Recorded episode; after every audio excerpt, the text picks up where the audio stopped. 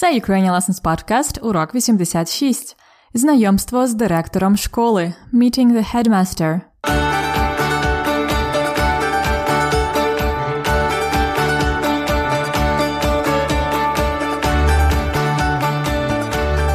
Привіт-привіт! Це Анна з новим уроком подкасту Уроки української. Нагадую вам, що зараз триває третій сезон подкасту, і всі епізоди третього сезону будуть поєднані однією історією про Христину або Крістін. Вона американка українського походження, яка переїхала до Києва. Христина буде жити в Україні один рік і працювати вчителькою в школі. Вона буде викладати англійську мову. У сьогоднішньому епізоді ви якраз і дізнаєтеся більше про роботу Христини і познайомитеся з її босом, тобто начальником, директором школи. Після їхньої розмови я розповім вам більше про один префікс в українській мові, а також, як завжди, на вас чекає дієслово і фразеологізм дня. Тому почнімо! Let me remind you in English that uh, you are listening to the third season of the Ukrainian Lessons podcast. The third season is for the intermediate learners. All the episodes of this season will be поєднані однією історією. Connected with one story about Христина. She is an American of Ukrainian descent who moved to Kyiv. Христина will be teaching English in a Ukrainian school – that's why in the today's episode you will hear about her getting acquainted with director школи, the headmaster or the principal. In the today's and next four episodes, we will talk a lot about osvita, education in Ukraine in general. So stay tuned. А зараз почнімо новий урок української про пригоди Христини в Україні. А спочатку, перед тим як слухати новий епізод, пропоную вам повторити або вивчити декілька слів про школу. Школа в Україні буває початкова, primary, початкова, середня, middle school, середня школа і старша, старша школа, high school. Університет це вже не школа. Як часто говорять англійською на університет school. Українською школа це тільки початкова, середня і старша, тобто з першого до одинадцятого класу. Клас це слово означає багато всього. Клас означає рік навчання у школі, наприклад, перший клас, другий клас, третій клас, четвертий клас. Це початкова школа. З 5 по 9 клас це середня школа. І 10 і 11 класи це старша школа. Учнів, які навчаються в старшій школі, називають старшокласники. Старшокласники. Like high school students. Старшокласники. А учнів, які навчаються, наприклад, в першому класі, називають першокласники. Першокласники другокласники і так далі. Добре, то клас це як е, grade. А також може бути класна кімната, тобто classroom. Це також називається клас. Клас. І ще клас означає неформальну фразу. Клас, класно, круто, тобто дуже добре, але неформально. Добре? Як ви почули раніше, директор школи це головна людина в школі директор школи, а жінка директорка або директриса. Також в школі працюють вчителі, вчитель і вчителька.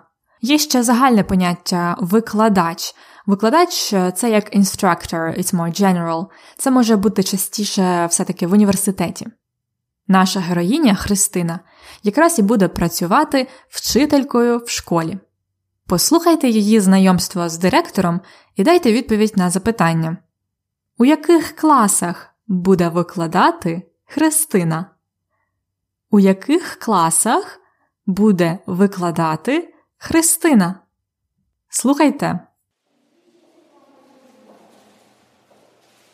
Добрий день, Христино. Радий вас бачити. Добрий день, взаємно. Мене звати Олег Іванович. Я директор цієї школи. Я дуже радий, що цього року ви будете працювати з нами. Дякую. Я теж дуже рада. Як ви влаштувалися? Як переїзд? Все добре. Я вселилась у квартиру. У, у мене чудова сусідка. Це головне. Ви живете недалеко? Так, так, на оболоні. 15 хвилин пішки. Чудово.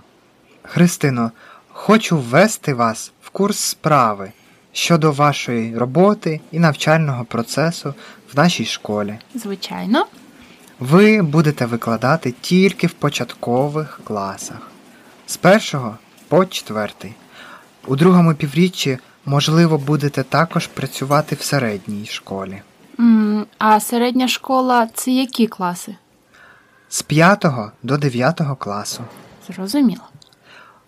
Ви будете допомагати нам викладати англійську мову для діток в усіх початкових класах. Це означає, що ви будете допомагати українським викладачам на уроках, готувати домашні завдання, а також організовувати для школярів розмовні клуби, гуртки свята.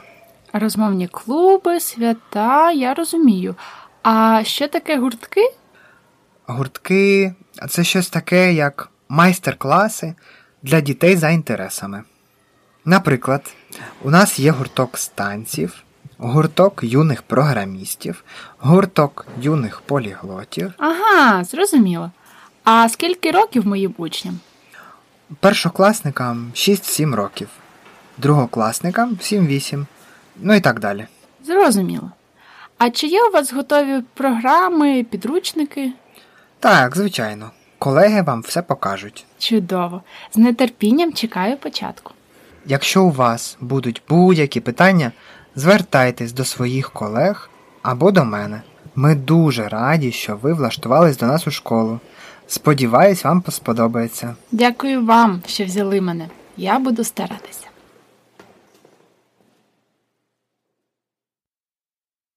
То у яких класах буде викладати Христина? Скажіть.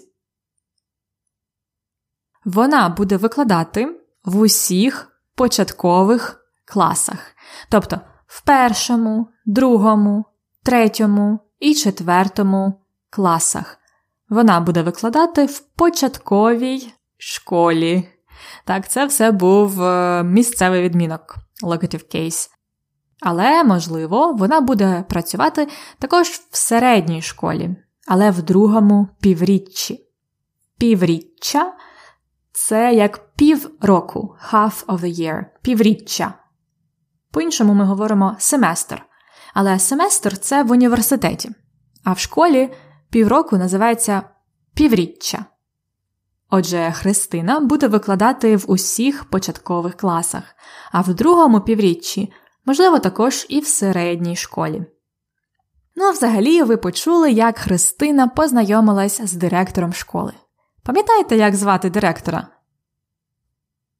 Його звати Олег Іванович. Олег Іванович, його ім'я і по батькові. We often call teachers, headmasters and colleagues with name and patronymic – ім'я і по батькові. Олег Іванович сказав, що Христина буде допомагати українським вчителям викладати англійську мову.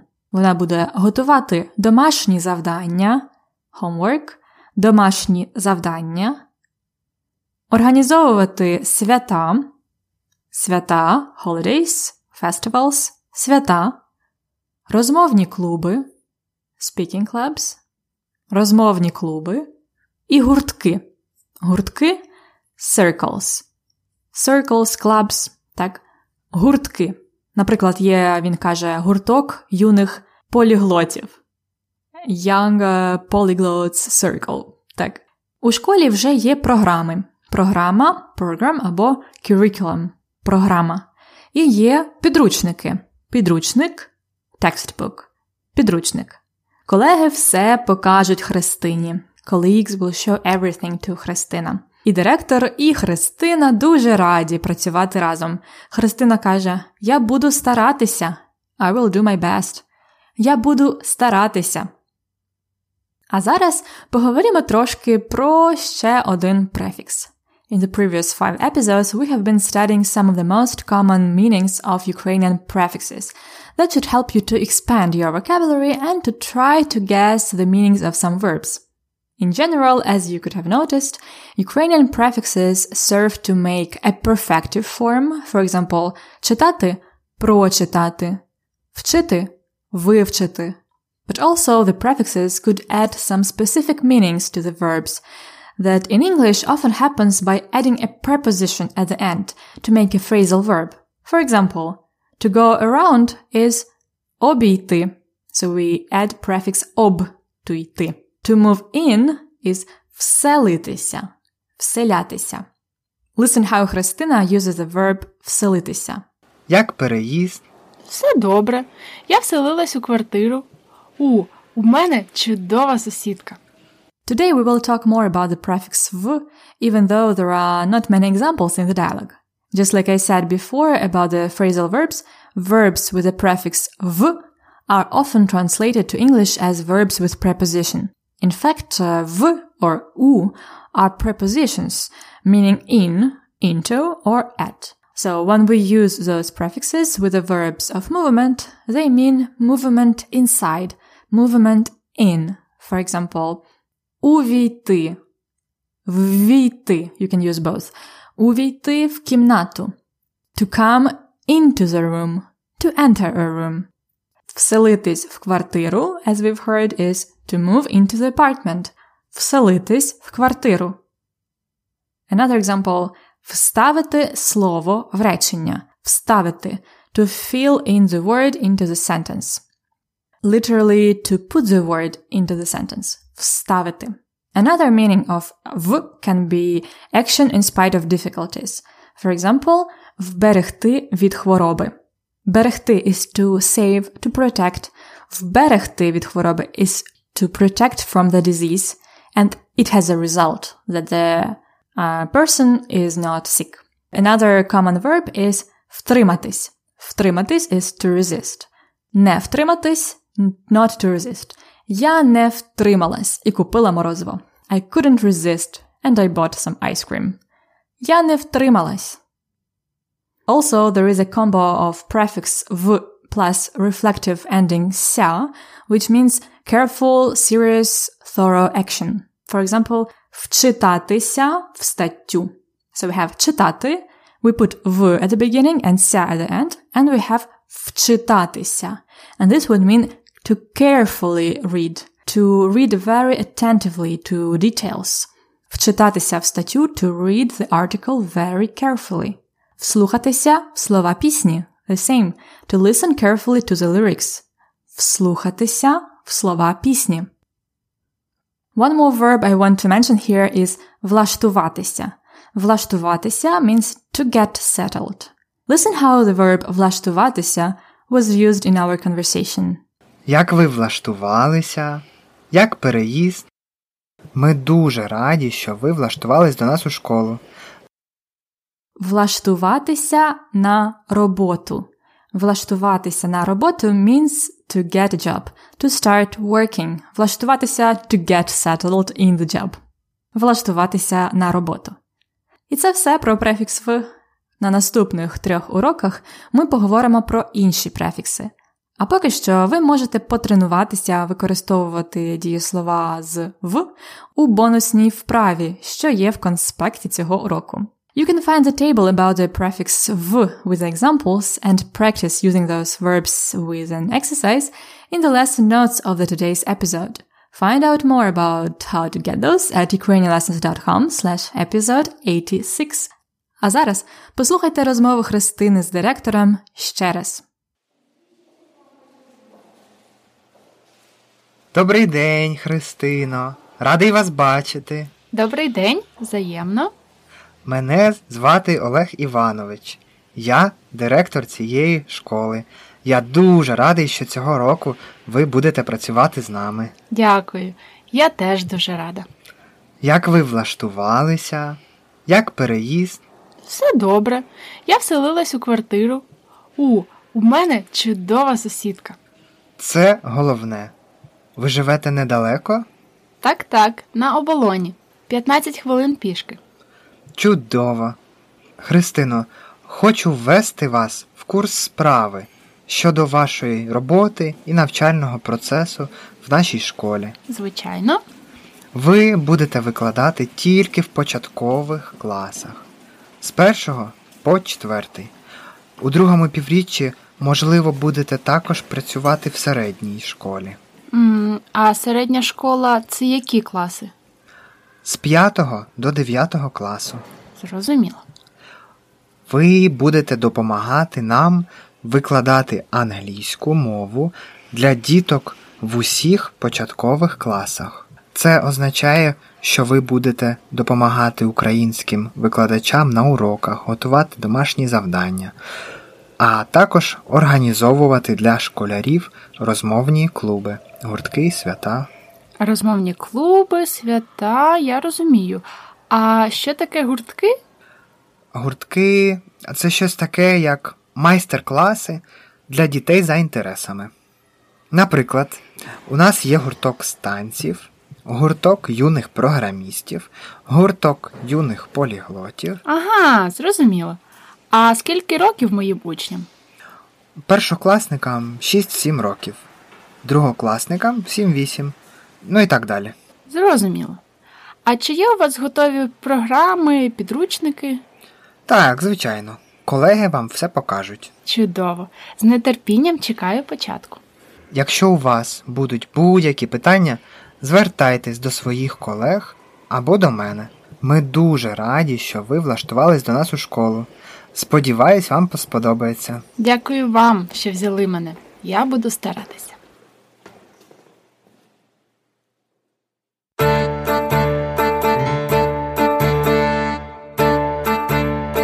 Дієслово дня. Дієслово дня сьогодні дуже популярне. To take. Як буде українською to take? Брати чи взяти? І брати, і взяти. This is the case when the imperfective and perfective forms are so different. Брати недоконаний вид, imperfective to take. Брати, взяти, perfective to take. Взяти. Наприклад, я завжди беру з собою пляшку води. I always take some water with me. Я завжди беру з собою пляшку води. But if I ask someone, ти взяв воду? Did you take the water? Ти взяв воду? It's more precise. It's about the specific moment, so it's perfective. Взяв. Дієслово брати має два основні значення: to take, to take in, or to seize, to capture, like a city during the war. Дієслово брати має трошки проблемні форми. We have to add e between b and r in the forms of the present tense of брати. So, брати, but я беру. Я беру. Ти береш. Перша дієвідміна. Він бере. Ми беремо або беремо. Ви берете або берете. Вони беруть. However, in the past, as always in the past, nothing changes from the infinitive. So, брати я брала. Ти брав. Він брав. Вона брала. Вони брали. At last, listen how the verb брати or взяти is used in the indirect meaning in our conversation today. Ми дуже раді, що ви влаштувались до нас у школу. Сподіваюсь, вам сподобається. Дякую вам, що взяли мене. Христина каже: Дякую вам, що взяли мене. Thank you for taking me. Thank you for taking me in. Taking me on board, каже Христина. Взяли мене. Ви взяли мене. Perfective as this was one completed action. Директор взяв Христину на роботу. As always, find the full table of conjugation and an exercise to practice in the lesson notes. Фразеологізм дня. Слухайте уривок діалогу і знайдіть наш фразеологізм дня. Христино, хочу ввести вас в курс справи щодо вашої роботи і навчального процесу в нашій школі. Звичайно. Фразеологізм дня ввести в курс справи це доконаний вид, або вводити в курс справи недоконаний. It means something like to introduce the course of action, but more precisely in English, it would be to fill someone in, to put someone in the picture, to bring someone up to date. Олег Іванович ввів Христину в курс справи щодо навчального процесу в школі. Олег Іванович filled Христина in on the educational process in the school. You can also ask someone, можете ввести мене в курс справи? Could you bring me up to date? Можете ввести мене в курс справи? На початку епізоду я ввела вас в курс справи щодо третього сезону. А в кінці епізоду я введу вас в курс справи щодо наступного епізоду.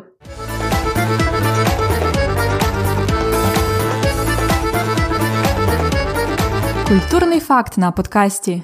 Let's talk more about Ukrainian education and school. Moreover, this topic is very much discussed in Ukraine these days. The thing is that our Ministry of Education over the last couple of years after Maidan has been trying to establish a big reform of Ukrainian school, which is a complete change of the system. It's called Nova Ukrainska Школа, New Ukrainian School. And this year, in 2018, it was the first time that the first grade, перший class, will be completely following the principles of this new Ukrainian school all over Ukraine. And those principles are using technology in the most effective ways, creating new textbooks, new materials that will be specifically developed for the needs of a modern child. These are also new approaches to teaching kids that uh, open much more freedom for them. New School is supposed to be focused on teaching kids how to think critically, how to innovate, and how to make a contribution to the Ukrainian society. For now, the process has just begun. So the new school is being widely discussed and criticized in the media and just among Ukrainians. So we'll see how it goes, how it will turn out in the future. Anyway, changes must bring something good. Pravda?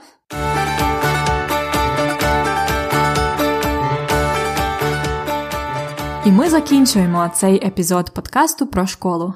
Наступний епізод буде, до речі, теж про школу, оскільки я хочу розповісти вам більше про українську освіту. Не забувайте покращувати свою українську мову після подкасту. Ви можете робити вправи в конспекті уроку або просто складати речення зі словами, які ви вивчили. If, if you haven't already, become a premium member to receive the lesson notes weekly. Check it out at ukrainianlessons.com slash episode 86, ukrainianlessons.com slash episode 86. Насолоджуйтесь українською мовою. До побачення!